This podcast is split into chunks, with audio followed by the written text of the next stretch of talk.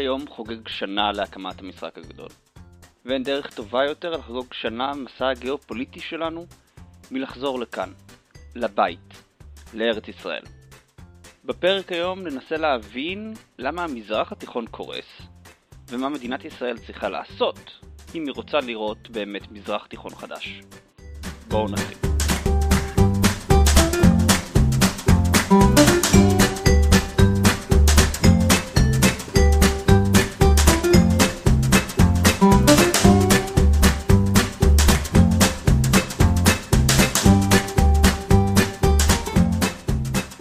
אנו חיים היום בעולם ערבי שבור ומסוכסך עם עצמו. לכל אחת מהמדינות הערביות יש מדיניות משלה, שעוסקת בעיקר בעצמה. מצרים מנסה להשיב את השליטה בסיני ולמצוא דרך לשרוד. סעודיה נלחמת באיראן בסוריה ותימן בשביל לשמור על יציבותה. סוריה ועיראק חדלו להיות מדינות והופכות מיום ליום לגרורות איראניות. והמרחב הערבי כולו, מהמפרץ הפרסי עד הים התיכון, מעוצב לא על ידי הערבים, כי אם על ידי הרוסים, הפרסים והטורקים. ואם נרצה, ואם לא, לנו, כמדינת ישראל, יש חלק לא קטן במשבר. בשביל להתחיל להסביר מה החלק שלנו בטוב ובוהו של המזרח התיכון, אנחנו חייבים קודם להבין את ההיסטוריה של המזרח התיכון. אבל עוד לפני זה, קצת הבהרת מושגים. המזרח התיכון משמש כיום כשם לאזור המשתרע מפקיסטן עד מרוקו, וכולל את דרום מערב, אסיה וצפון אפריקה. מדובר במושג חדש יחסית, שמבוסס בעיקר על שיוך תרבותי מדינתי, כלומר המזרח התיכון הוא חופף בעיקר את העולם הערבי, ולא מונח שמתאר גיאוגרפיה. לכן, בגלל שאנחנו מבוססים, בגלל שאנחנו מתעסקים בעיקר בגיאופוליטיקה, אני הולך להשתמש במושג לא של המזרח התיכון, אלא המזרח הקרוב. המזרח הקרוב כולל רק את הסהר הפורה, חצי האי הערבי, פרס, טורקיה ומצרים. כך המזרח הקרוב הוא באמת יחידה גיאוגרפית אחת, בניגוד למזרח התיכון שהוא הפשטה יותר מדינית. אז אחרי שהעברנו את הגבולות גזרה שלנו, כן, מפרס עד מצרים, בואו ניכנס טיפה להיסטוריה. היסטורית, המזרח הקרוב נשלט על ידי אחת מארבע סוגי מדינות. הסוג הראשון הוא מדינה מסופוטמית, שבסיסה באזור ארם נהריים, היא עיראק של ימינו. אשור ובבל, כמו גם החליפות של בית עבאס, הן דוגמאות לסוג הראשון. סוג המדינה השני היא מדינה מצרית, שבסיסה בנילוס. ממלכת מצרים של העת העתיקה היא הדוגמה הראשונה שקופץ לנו לראש. שווה גם לזכור את הסולטנות הממלוכית של קהיר, ששלטה במצרים ופה בארץ ישראל, ואף את הכיבוש של המזרח הקרוב שנעשה על ידי הבריטים, שהתחילו כבסיס הבית שלהם במצרים. הסוג השלישי של מדינה ששלטה פה הייתה המדינה הפרסית, שבסיסה, הפתעה הפתעה, הוא בפרס. והסוג הרביעי והאחרון הוא מדינה אנטולית, שבסיסה באסיה הקטנה בטורקיה. הדוגמה הטובה ביותר היא האימפריה העות'מאנית. לכל סוג מדינה מבין הארבע מדינות שמנינו יש היגיון אסטרטגי אחר, המושפע, איך לא, מהגיאוגרפיה שלה והיחס שלה לגיאוגרפיה של המזרח הקרוב. אם אתם זוכרים, בפרק הקודם דיברנו על כך שהלב של האי העולמי נמצא במרכז אסיה. גם למזרח הקרוב יש לב, והלב הזה הוא הסהר הפורה. אזור שנמתח בין המפרץ הפרסי לים התיכון ועוקב אחר החידקל והפרת. בניגוד ללב של האי העולמי, הסהר הפורה הוא מישורי ברובו, ולכן מאפשר למי ששולט בו מסחר יעיל.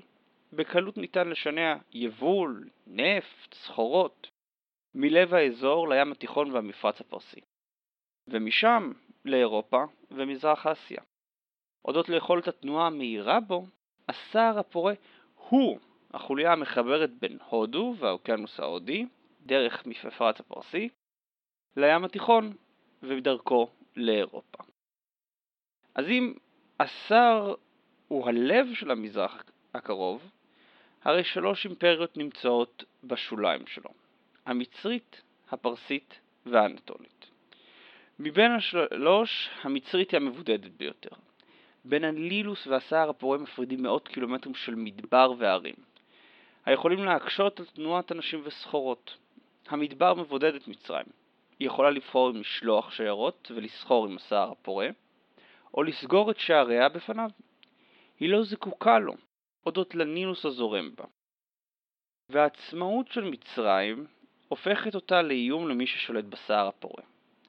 כי מצרים יכולה להרשות לעצמה הרפתקאות צבאיות, הודות לבידוד שלה. היא יכולה לשלוח חילות לפלישה, ואם הם נכשלים, היא שבה וסוגרת את הגבול, מוגנת מאחורי המדבר שלה. לכן בדרך כלל השולט בשר תמיד צריך להשקיף בחשש למדבריות של סיני, שמא יגיעו משם חילות מצב מצרים. ולכן, בדרך כלל, הוא כבר יעדיף לשלוט במצרים מאשר לחשוש מצבא. ומצרים היא לא רק איום, היא גם אוצר למי שיצליח לכבוש אותה. הנילוס הפורה יכול להניב יבול, שבקלות ניתן להוביל לים התיכון ולסחור בו. משום כך, לאורך הדורות, מי שהתחיל בסהר הפורה, עם האשורים, הבבלים או הפרסים, בסוף הגיע גם לנילוס. המדינה השנייה בבידודה היא המדינה הפרסית, שנהנית מרמת בידוד דומה למצרית, אך היא הרבה יותר קרובה לסהר הפורה גיאוגרפית. הרי פרס משקיפים על המישור של ארם נהריים וניתנים למעבר רק בנקודות ספציפיות, מכאן הבידוד. אותם הרים גם מאפשרים לפרסים בקלות להתקדם מההרים לרוחב המישור, בעוד שלאויב קשה לפלוש עליהם. לכן בדרך כלל מי ששולט בסהר הפורה לא שולט גם בפר... בפרס. ראינו את זה עם המדינות המספוטמיות של אשור ובבל, וראינו את זה גם בעת המודרנית עם האימפריה העות'מאנית שנותרה באזור של הסהר הפורה ולא הצליחה להתקדם לתוך פרס. המדינה השלישית היא המדינה האנטולית היושבת בצפון הסהר הפורה, ובדומה לפרס מביטה ממרום ערי טאורוס על המישור של ארם נהריים. אבל בעוד פרס היא בעיקר הרים שוממים ומדבריות, אנטוליה שופעת ירק. היא גובלת בים השחור ובים התיכון ומהווה גשר בין אסיה לאירופה. כלכלית וצבאית אין סיבה למדינה היושבת באסיה הקטנה לפלוש לסהר הפורה. רק כאשר המדינה האנטולית מתחילה להיות מבודדת משאר העולם, היא מפנה את מבטה לאזור. זה מה שקרה לפני 500 שנה, אז התחילו העות'מאנים את כיבושיהם פה. וזה גם מה שקורה עכשיו עם ארדואן, שבגלל הכתף הקרה מאירופה, חוזר לדמיין את טורקיה ככוח עולה במזרח התיכון. ולבסוף, היחידה היושבת בלב המזרח הקדום היא המדינה המסופוטמית. כמדינה מישורית היא תמיד שואפת להתרחב להרים, למדבריות, למחסומים טבעיים מפני אויבים. במזרח היא כבר גובלת בערי זגרוץ של פרס, ולכן היא תמיד פונה מערבה, במעלה הפרת אל הים התיכון. כשהיא מגיעה סוף סוף לחוף הים התיכון, היא מתחילה לצעוד דרומה, כובשת את ערי החוף ודוחקת את המדינה המצרית עד שלבסוף היא נעצרת במדבר, או כובשת גם את הנילוס. אשור ובבל עקבו אחר המהלך הזה, כמו גם דרוויש הגדול מלך פרס. אבל איך כל זה קשור לאנרכיה היום באזור? טוב, אמרנו שהמזרח הקרוב נשלט על ידי אחת מארבע מדינות מסופוטמית, מצרית, פרסית או אנטולית. בעת המודרנית יש לנו ארבע מדינות כאלו עיראק, מצרים, איראן וטורקיה. מבין הארבע, רק איראן היא מדינה שיעית, ומבין הארבע, רק עיראק ומצרים הן מדינות ערביות. ומבין שתיהן, רק מצרים היא גם סונית. זה אומר שהסיכוי של המחנה הערבי-סוני לשלוט במזרח הקרוב היה תלוי בדומיננטיות של מצרים. ולמצרים היה יכול להיות תפקיד חשוב במזרח הקרוב המודרני אם לא הייתה מצטרפת מדינה נוספת בעת החדשה, מדינה ארץ ישראלית. מדינה ארץ ישראלית הייתה קיימת בעבר, אם כמלכות דוד, ממלכות ישראל ויהודה, או מלכות בית חשמונאי. אבל מעולם לא הייתה קיימת מדינה ארץ ישראלית חזקה במקביל להתחזקות המדינה המצרית. כשאנחנו הופענו בארץ ישראל בתחילת בית ראשון, האימפריה המצרית דעכה. כשממלכת שלמה התפצלה ונחלשה, המצרים חזרו לפלוש לאזור הסהר הפורה. מעולם לא קרה ששתי המדינות, הארץ ישראלית והמצרית, התחזקו באותו זמן. אבל מה החשיבות של זה? טוב, אנחנו יושבים במעבר בין מצרים לסהר הפורה. מצרים לא יכולה להפוך להגמון אזורי אם היא מוכלת לצפון אפריקה. ועד 67, החלום המצרי היה להנהיג עולם ערבי מאוחד. נאצר, נשיא מצרים הכריזמטי, הלהיב את הרחוב הערבי בחזון של אחדות ערבית, מהאוקיינוס האטלנטי עד המפרץ הפרסי. הוא רצה לחסל את מדינת ישראל ולחבר את מצרים לשאר המזרח הקרוב. גיאוגרפית, ארץ ישראל היא אזור מעבר מצוין למצרים. שפלת החוף שלנו היא המשך של המישור בצפון סיני. כוח מצרי יכול להתקדם בקלות לאורך חוף הים התיכון עד לגליל. שם הוא יכול להתפצל לשני ראשים. ראש אחד חוצה את עמק יזרעאל ועולה לדמשק, בעוד השני ממשיך על החוף ללבנון וערי החוף של סוריה. שליטה בארץ ישראל הייתה פותחת בפני נאצר את האפשרות לשלוט בכל המרחב הערבי. רק מה? שב-67, כשמצרים התכוננה למחוק את הטריז הישראלי, היא הוכתה שוק על ירך. לא רק שמדינת ישראל לא נעלמה, היא לקחה ממצרים את הגשר היבשתי שלה לאסיה. עם כיבוש סיני, דחקנו את מצרים להיות רק מדינה אפריקאית, מנותקת גיאוגרפית מהמזרח הקרוב. התבוסה הביאה את קהיר להתחיל ולנטוש את החלום הפן-ערבי. אם איחוד לא אפשרי בפועל משום קיומה של ישראל, למה לדבוק בו תאורטית? במלחמת יום הכיפורים בשנת 1973 המטרה המצרית כבר לא הייתה מחיקת ישראל. מצרים הייתה מעוניינת להכות בהלם את הישראלים בשביל להחזיר לעצמה את חצי האי סיני. לא חלום פן ערבי היה לנו במלחמת יום הכיפורים, בניגוד לחלום של ששת הימים, אלא היגיון לאומי אנוכי של המדינה המצרית. מ-67, כשהוכתה שוק על ירך, מצרים התחילה לעזוב את המחנה הערבי. אבל הדחתה הסופית של מצרים כמדינה דומיננטית באזור לא הייתה עד 1979, עם חתימת הסכמי קמפ דיוויד. הסכם השלום עם ישראל היה עבור המדינות הערביות בגדר בגידה. הליגה הערבית סילקה את מצרים משורותיה, ורוב המדינות הערביות ניתקו את הקשרים הדיפלומטיים עמה. בדמשק, בגדד, ריאד וטריפולי המונים יצאו לרחובות, קוראים לסאדאת בוגד. מצרים, שהייתה מנהיגת העולם הערבי, הפכה לפתע למצורעת. מאז 1979 לעולם הערבי אין מדינה אחת שתנהיג אותו. הוא מפוצל בין ממלכות שמרניות לדיקטטורות סוציאליסטיות, בין שבטים, כתות דתיות וקבוצות אתניות שונות. מצרים לא שבה לזכות בדומיננטיות שלה. ומי בא במקום? טוב, עיראק של סדאם נחשבה יותר כאויבת ממנהיגה. וערב הסעודית מעולם לא נתפסה כמנהיגת הערבים. אם בית סעוד השקיע כסף במדינות וקהילות ערביות מחוץ לממלכתו, הוא הופנה בעיקר למדרסות שהפיצו את הווהאביזם, הזרם הקיצוני ששולט במדינה. אז המרחב הערבי, אחרי 1979, נותר עם חלל, חלל של הנהגה, והטבע, שלא אוהב ואקום, מצא כוח אחר שייכנס במקום, איראן. על עליית איראן כמעצמה אזורית כתבו לא מעט ואני לא מתכוון לפרוס את תולדות ההתפשטות האיראנית מאז 2003. אז האמריקאים פלשו לעיראק וחיסלו את המחסום היחיד בין איראן והסהר הפורה. היא עיראק של סדאם חוסיין.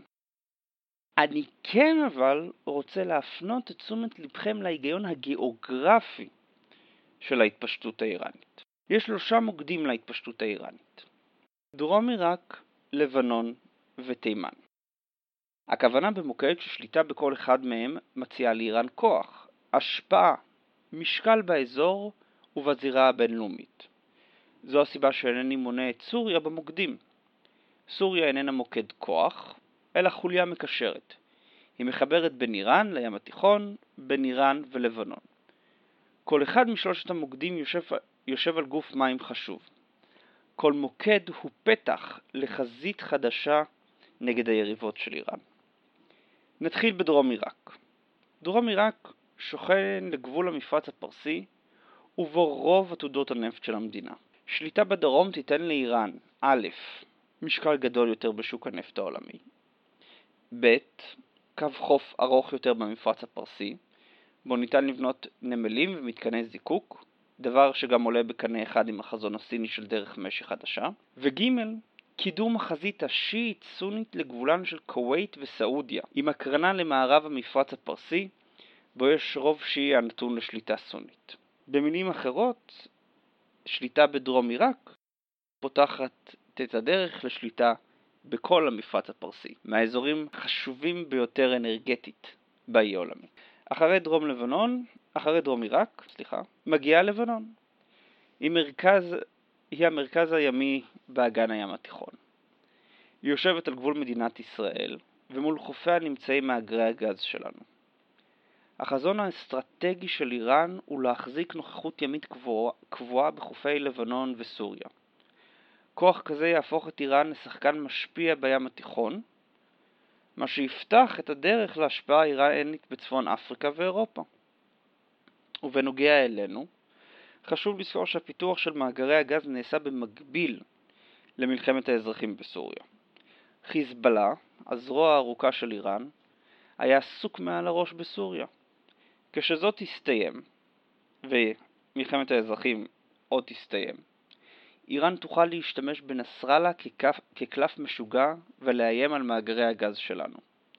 אני אישית מאמין שבשנים הבאות אנו נראה התחמשות איראנית שתזלוג לחיזבאללה, לא בתחום מערכות הנ"מ, כי אם בטילים נגד ספינות. אנו עתידים לראות ספינות איראניות שיושבות על החופים מצפוננו. ולבסוף, תימן. תימן נמצאת בחיבור של הים האדום עם האוקיינוס ההודי במיצרי באב אל-מנדב. המשמעות של שליטה איראנית בתימן דרך החות'ים היא אדירה. רוב הסחר הימי בין אירופה למזרח אסיה נעשה דרך המיצרים, והוא עכשיו ייעשה תחת חסות איראנית. תימן היא גם חזית נוספת של איראן מול ערב הסעודית. עוד גבול, חוץ מדרום עיראק, ממנו איראן יכולה ללחוץ על בית סעוד. ומה יעשו המעצמות לטובת ריאד אם ההתערבות שלהם משמעה חסימה של מצרי באב אל-מנדב ומצרי הורמוז, ובעצם ניתוק בין מזרח אסיה לאירופה. אני יודע שהתיאור שלי אולי נשמע קונספירטיבי, אפילו טיפה היסטרי, אבל הוא באמת שלא זה. הייתי אומר שהוא אפילו מעריץ טיפה. היכולת של איראן לנצל את הבלבול במחנה הערבי בשביל להגדיל את כוחה בעולם הוא מרשים. ההתקדמות האסטרטגית, היכולת להתמיד במאמץ במספר חזיתות למרות המחיר הכלכלי, הם הישגים מעוררי השראה. איראן מעצבת את, את מעמדה כהגמון במזרח הקרוב, בדיוק כפי שעשה דרווייש לפני 2500 שנה. אבל אולי הסיבה שהישגי איראן הם כל כך מעוררי השראה היא מפני שאני שם אותם לעומת האסטרטגיה המדינית של ישראל. או הייתי יכול, אם הייתה לנו אחת. אם תקלידו בגוגל את המילים אסטרטגיה מדינית של ישראל, רוב התוצאות יתעסקו בסוגיה הפלסטינית, ולא באיזשהו חזון מדיני בינלאומי כולל. המסמך היחיד שדומה לאסטרטגיה כוללת הוא מסמך אסטרטגיה צה"ל, שפורסם באוגוסט 2015. ביעדים ובעקרונות של המסמך מבוטאת האמונה הישראלית שהדרך להבטחת קיומה של המדינה הוא בכוח צבאי משוכלל ועוצמתי. הבעיה היא שלא רק שלא די בעוצמה צבאית, אלא שמדינת ישראל יכולה לעשות הרבה יותר בשביל עצמה והעולם אם תפסיק להיאבק רק בשביל קיומה. דוגמה פשוטה, למה סוריה קרסה? אם תגידו שבגלל מהומות, הרי שהמהומות היו רק ניצוץ שהדליק את השרפה. חומר הבעירה היה מאות אלפי חקלאים שהפכו למובטלים עקב תקופות בצורת ממושכות. חומר הבעירה היו העניים, שעקב קפיצת מחירי החיטה הידרדרו לחרפת רעב. אבל בצורת איננה גזירת גורל. דמיינו מה היה קורה אם סוריה, במקום לשקוד על טרור נגדנו, הייתה שוקדת על שיתוף פעולה חקלאי. ניהול מים חכם של הפרט, טכנולוגיה חקלאית מתקדמת, היו מאפשרים לחקלאים להתקיים בכבוד ומונעים מלחמת אזרחים עקובה מדם.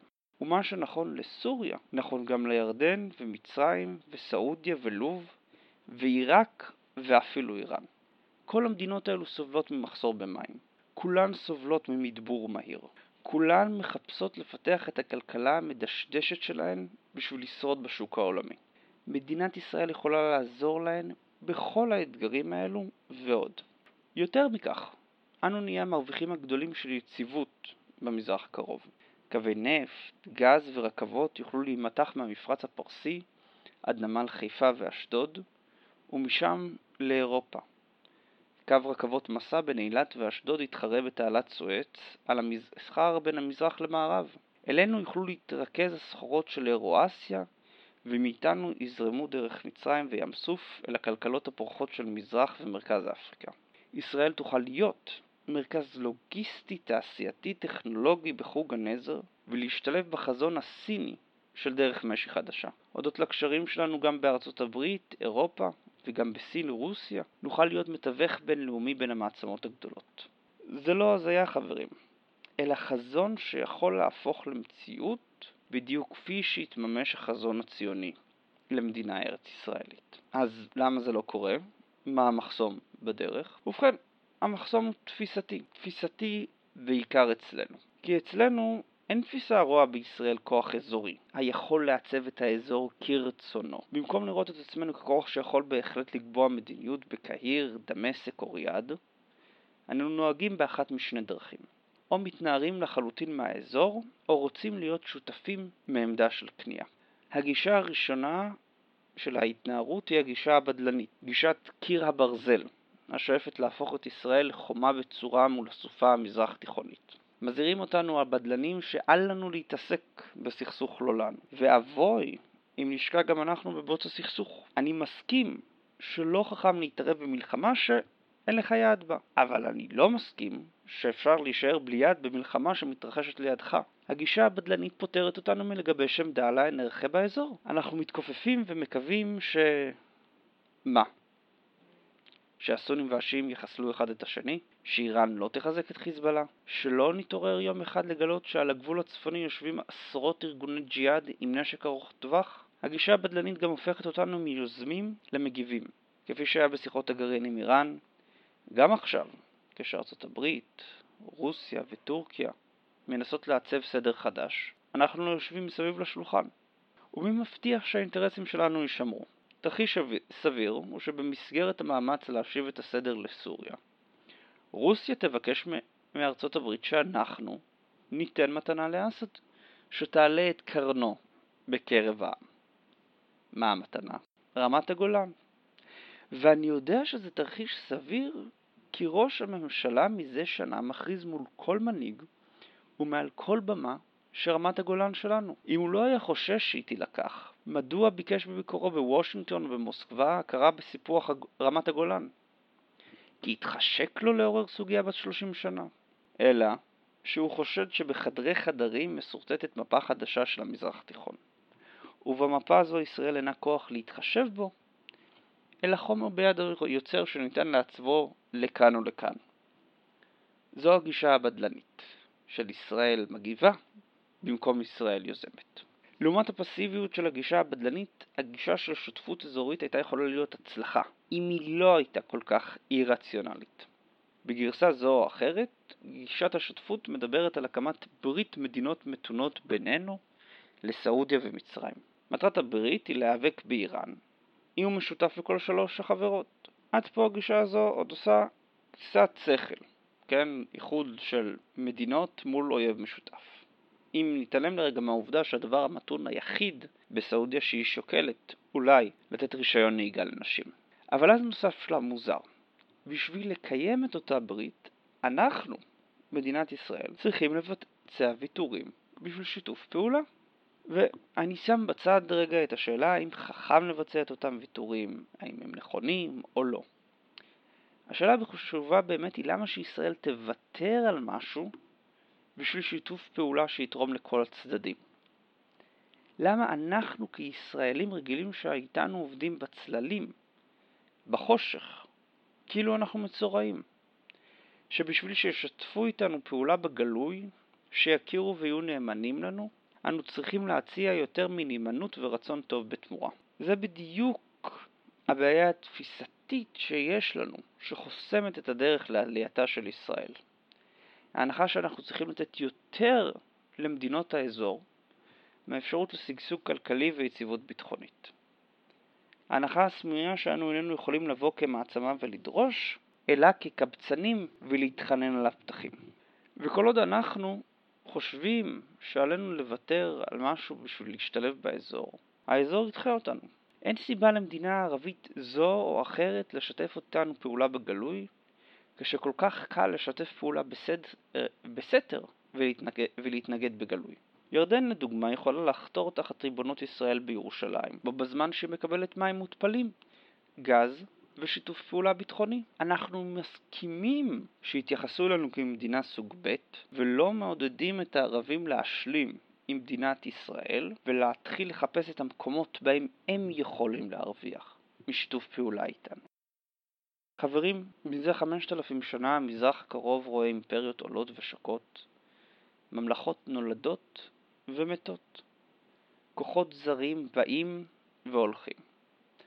אנו נמצאים כרגע רק בתחילת תקופה של מהפכות ומלחמות. תקופה שתחזיר את האזור לשורשים, ליסודות הגיאוגרפיים שלו. איראן פועלת לזכות מחדש בהגמוניה על בסיס גיאוגרפיה, על ידי שליטה בסהר הפורה, במפרץ הפרסי ובמפרץ עדן.